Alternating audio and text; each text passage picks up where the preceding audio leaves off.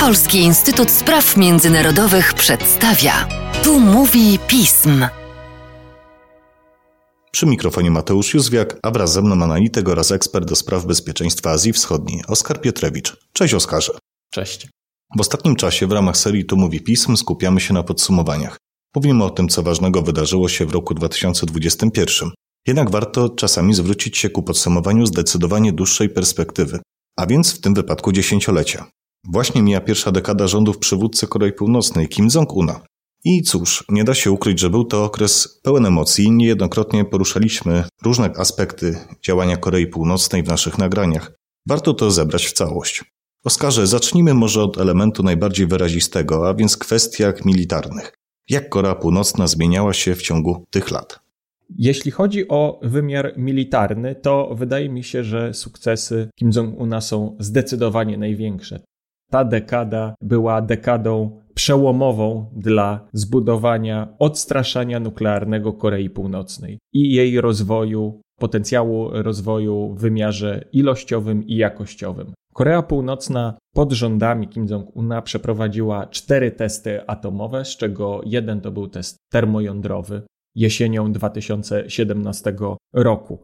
Ponadto Korea Północna przeprowadziła ponad, przez tą dekadę rządów Kima, ponad 125 testów pocisków różnego rodzaju, różnego zasięgu, pocisków rakietowych. To pozwoliło Korei Północnej zdywersyfikować arsenał rakietowo-nuklearny i sprawić, że będzie ona traktowana jako państwo posiadające wiarygodny arsenał odstraszania. Te y, zabiegi, na jakie zdecydowała się Korea Północna, przyniosła, y, przyniosły one określone korzyści dla Korei Północnej. Po pierwsze, wzmocniło odstraszanie nuklearne i w ten sposób w rozumieniu reżimu zwiększyło jego bezpieczeństwo w wymiarze zewnętrznym. Korea Północna traktowała i nadal traktuje broń atomową wraz ze środkami przenoszenia jako swego rodzaju polisę ubezpieczeniową, że dzięki temu czuje się bezpieczna, że dzięki temu nie jest narażona na agresję z zewnątrz i w tym sensie zapewnia przetrwanie reżimu w takim kształcie, jak życzą sobie tego rządzący Koreą Północną, bez nadmiernej ingerencji z zewnątrz. E, po drugie, sukcesy w wymiarze militarnym wzmacniały legitymację wewnętrzną Kim Jong-una. Prezentował się on jako kontynuator misji zapoczątkowanej przez poprzednich przywódców, przez dziadka i przez ojca, i w tym sensie te sukcesy rakietowo-nuklearne wieńczyły dzieło rządzącej dynastii.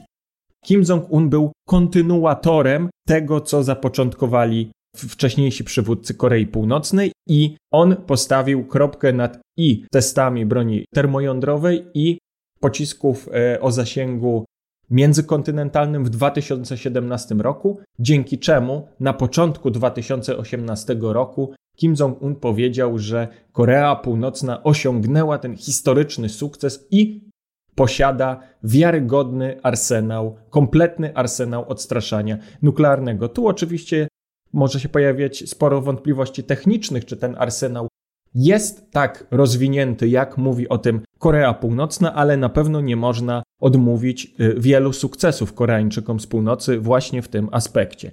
I w końcu trzecia korzyść. Broń jądrowa stała się od wielu lat była, ale stała się jeszcze bardziej przydatnym narzędziem w polityce zagranicznej Korei Północnej.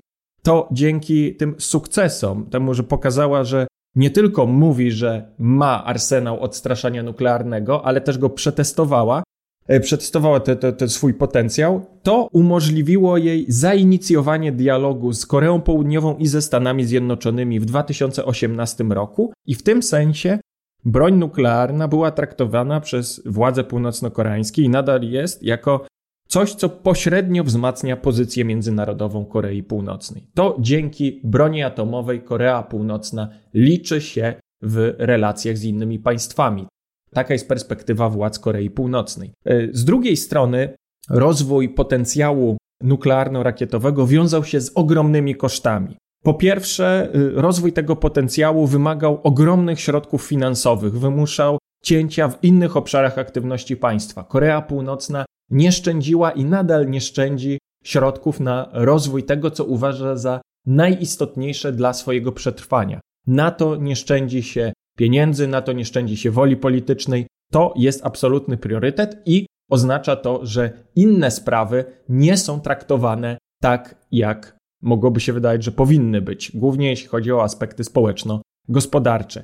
Drugi koszt to koszt, y, jaki Korea Północna musiała ponieść w związku z tym, że jej próby rakietowe i nuklearne oznaczały łamanie e, prawa międzynarodowego, oznaczały łamanie rezolucji Rady Bezpieczeństwa Organizacji Narodów Zjednoczonych i tego, że Korea Północna w wielu porozumieniach międzynarodowych zadeklarowała, że nie będzie posiadać broni nuklearnej, że otwierała się na denuklearyzację Półwyspu Koreańskiego. Kolejne testy były tego zaprzeczeniem i w reakcji na nie Korea Północna została obłożona coraz bardziej dotkliwymi sankcjami, zarówno ONZ-owskimi, jak i amerykańskimi, południowo-koreańskimi, japońskimi, unijnymi też, ale zwłaszcza dotkliwe okazały się te sankcje wprowadzane po 2016 roku, czyli po jednej z prób atomowych Korei Północnej w 2016 roku. Sankcje Rady Bezpieczeństwa Organizacji Narodów Zjednoczonych, dotykające właściwie całej gospodarki Korei Północnej. Poważnie one uderzyły w gospodarkę północno-koreańską.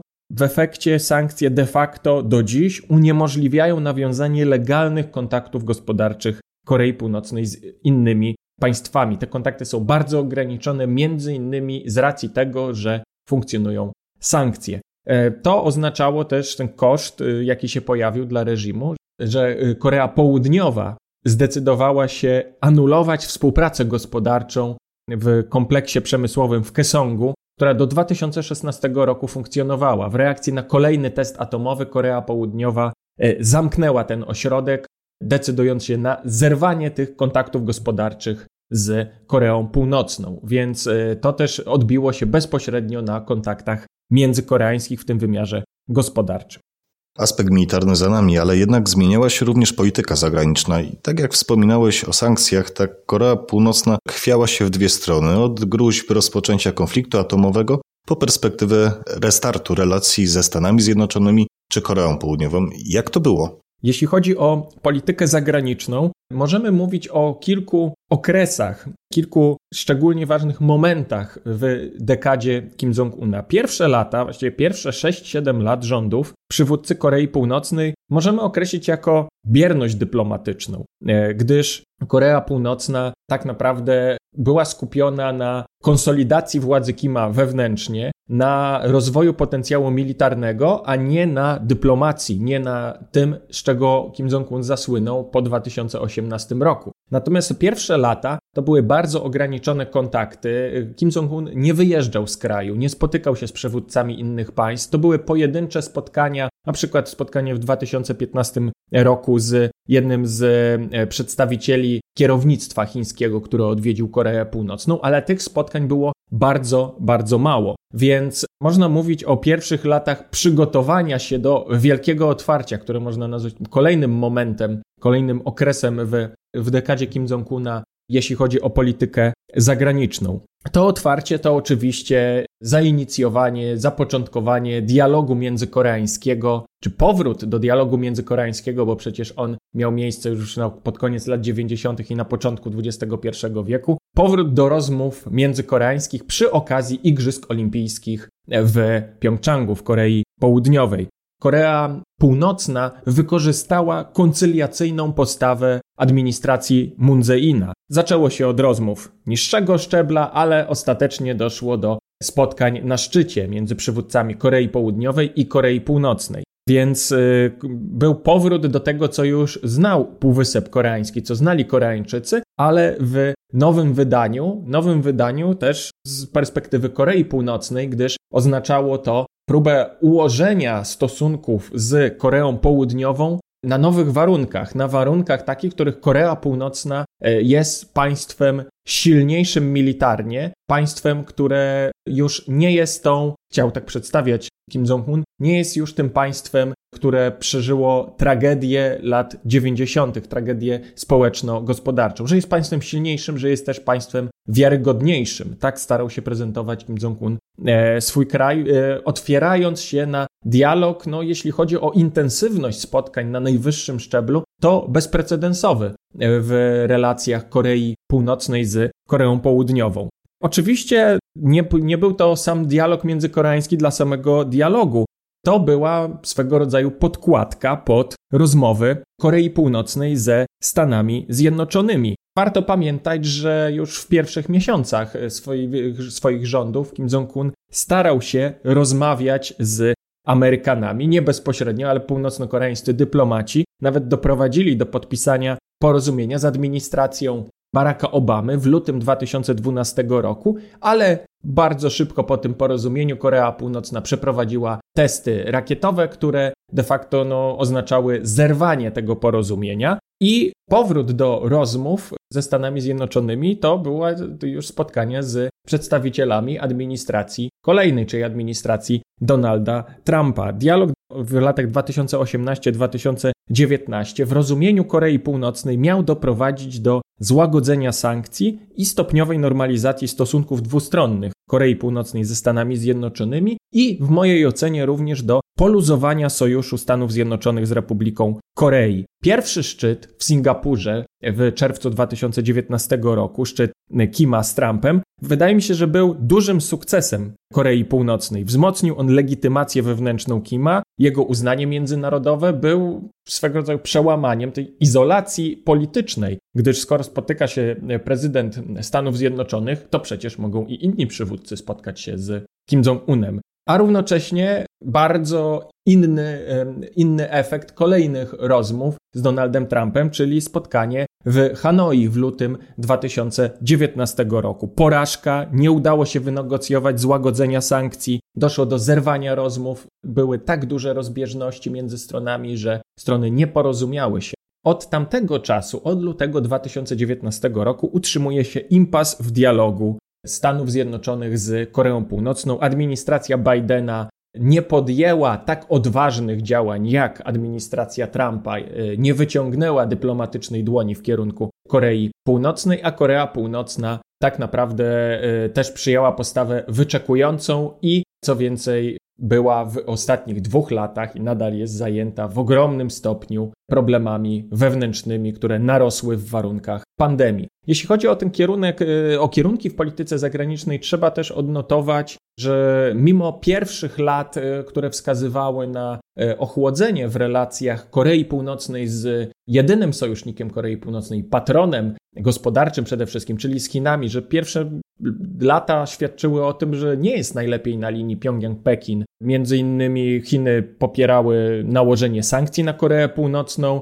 Kim Jong-un zlikwidował, po prostu doszło do egzekucji jego wuja, który był e, osobą współpracującą z Chinami. Ale po 2018 roku, właśnie też w atmosferze tego otwarcia dyplomatycznego, kampanii dyplomatycznej Korei Północnej, doszło do poprawy relacji Korei Północnej z, z Chinami i w pierwszą wizytę zagraniczną Kim Jong-un wybrał się właśnie do Chin, jeszcze przed y, spotkaniem z Moon Jae-inem w Panmunjomie. I w ciągu 15 miesięcy, w latach 2018-19, doszło aż do pięciu spotkań Kim Jong-una z Xi Jinpingiem, w tym do pierwszej od 14 lat wizyty przywódcy HRL w Korei Północnej. Więc w wymiarze politycznym doszło do wzmocnienia tej relacji. I było to e, ważne dla Korei Północnej, ponieważ wykorzystała ona zbliżenie z Chinami dla wzmocnienia swojej pozycji negocjacyjnej w rozmowach z Koreą Południową i Stanami Zjednoczonymi. Nieprzypadkowo dochodziło do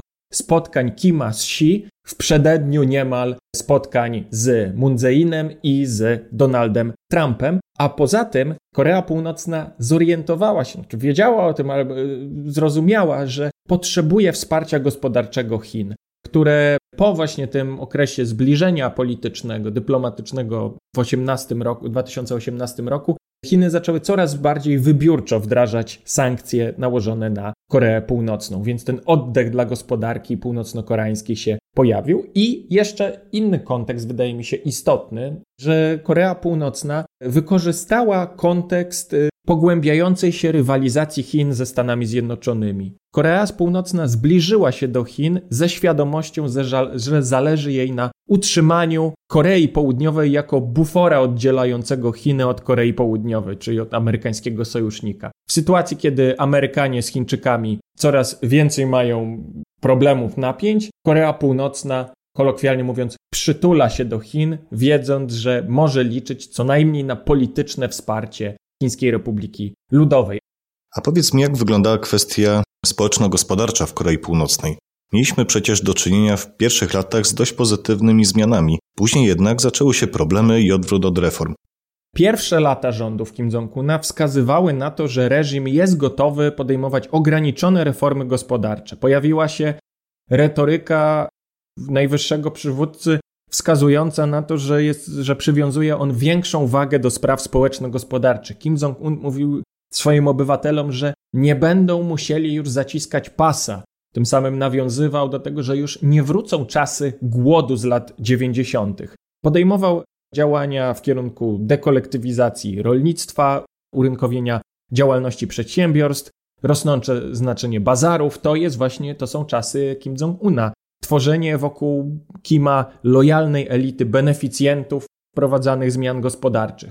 Równocześnie z tymi procesami, a zwłaszcza to się ujawniło po 2016 roku, czyli po siódmym zjeździe Partii Pracy Korei, który był konsolidował władzę Kima, zaznaczyło się zwiększenie kontroli i inwigilacji społecznej oraz szczelności granic. Między innymi zarządów Kim Jong-una z każdym rokiem coraz mniej uciekinierów uciekało z Korei Północnej. To wynikało też z zacieśnienia kontroli społecznej w e, zarządów e, Kima. Co więcej, po fiasku szczytu Korei Północnej ze Stanami Zjednoczonymi w Hanoi w 2019 roku, władze Korei Północnej najwyraźniej obrały kierunek na jeszcze mocniejsze dokręcenie śruby i zacieśnienie kontroli państwa nad gospodarką. E, to spotęgowane zostało w warunkach pandemii COVID-19, kiedy reżim wprowadził drakońskie restrykcje.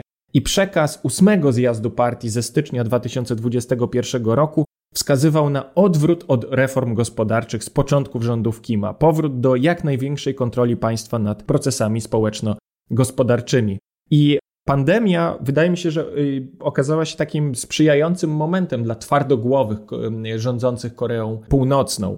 Że to jest moment, kiedy należy wykorzystać y, pandemię jako pretekst, być może, przede wszystkim do zwiększenia kontroli nad wszelkimi procesami społecznymi, w tym gospodarczymi. I oczywiście mamy ogromne problemy z oceną tego, jak obecnie funkcjonuje północno-koreańska gospodarka w warunkach pandemii, gdyż właściwie są już tylko szczątkowe, pozostały resztki przedstawicielstw zagranicznych w Korei Północnej. Nie ma przedstawicieli organizacji pomocowych w Korei Północnej. Trudno ocenić, jaki jest stan gospodarki, bardzo spadł handel Korei Północnej z Chinami. Y, pojawiły się doniesienia o brakach żywności i podstawowych dóbr.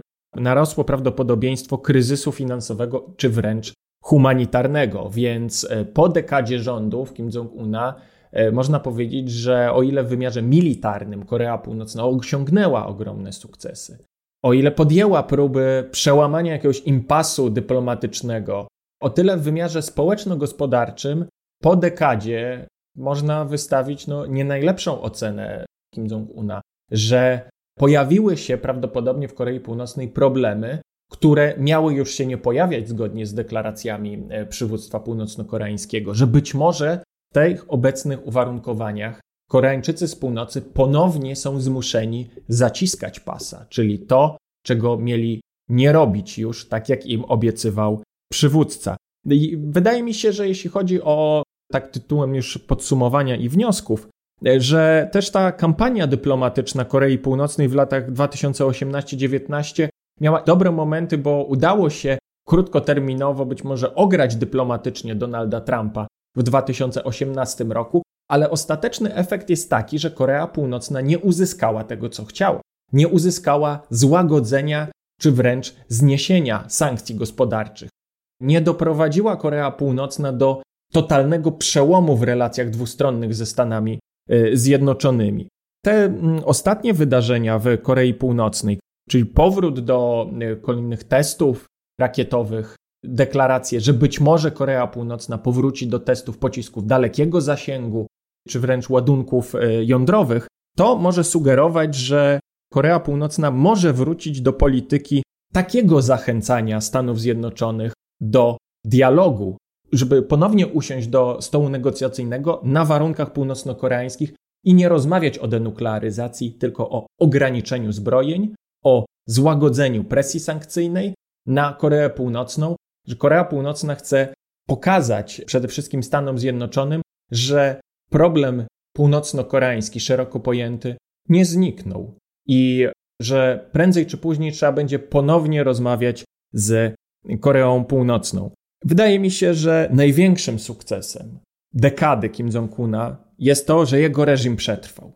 To było podstawowe zadanie i to się udało zrealizować. Nie ma oznak, wydaje mi się obecnie, które wskazywałyby, że reżim Kim Jong-una chwieje się w posadach. Na pewno nie, ale równocześnie ma bardzo poważne problemy gospodarcze, zacieśnia kontrolę społeczno-gospodarczą i współpracę z Chinami, traktowanymi jako główne źródło wsparcia reżimu. Kim Jong-un postawił wszystko na jedną kartę na przetrwanie reżimu politycznego, a ostatecznie jednak nie na rozwój gospodarczy. Takie, zwłaszcza ostatnie lata, dają nam argumenty na rzecz takiej tezy, co może się negatywnie odbijać na sytuacji mieszkańców Korei Północnej w kolejnych latach. Więc problemy, jak, z jakimi Kim Jong-un musiał sobie radzić na początku rządów, obecnie są takie same, a być może nawet jeszcze większe, zwłaszcza jeśli chodzi o te kwestie społeczno-gospodarcze.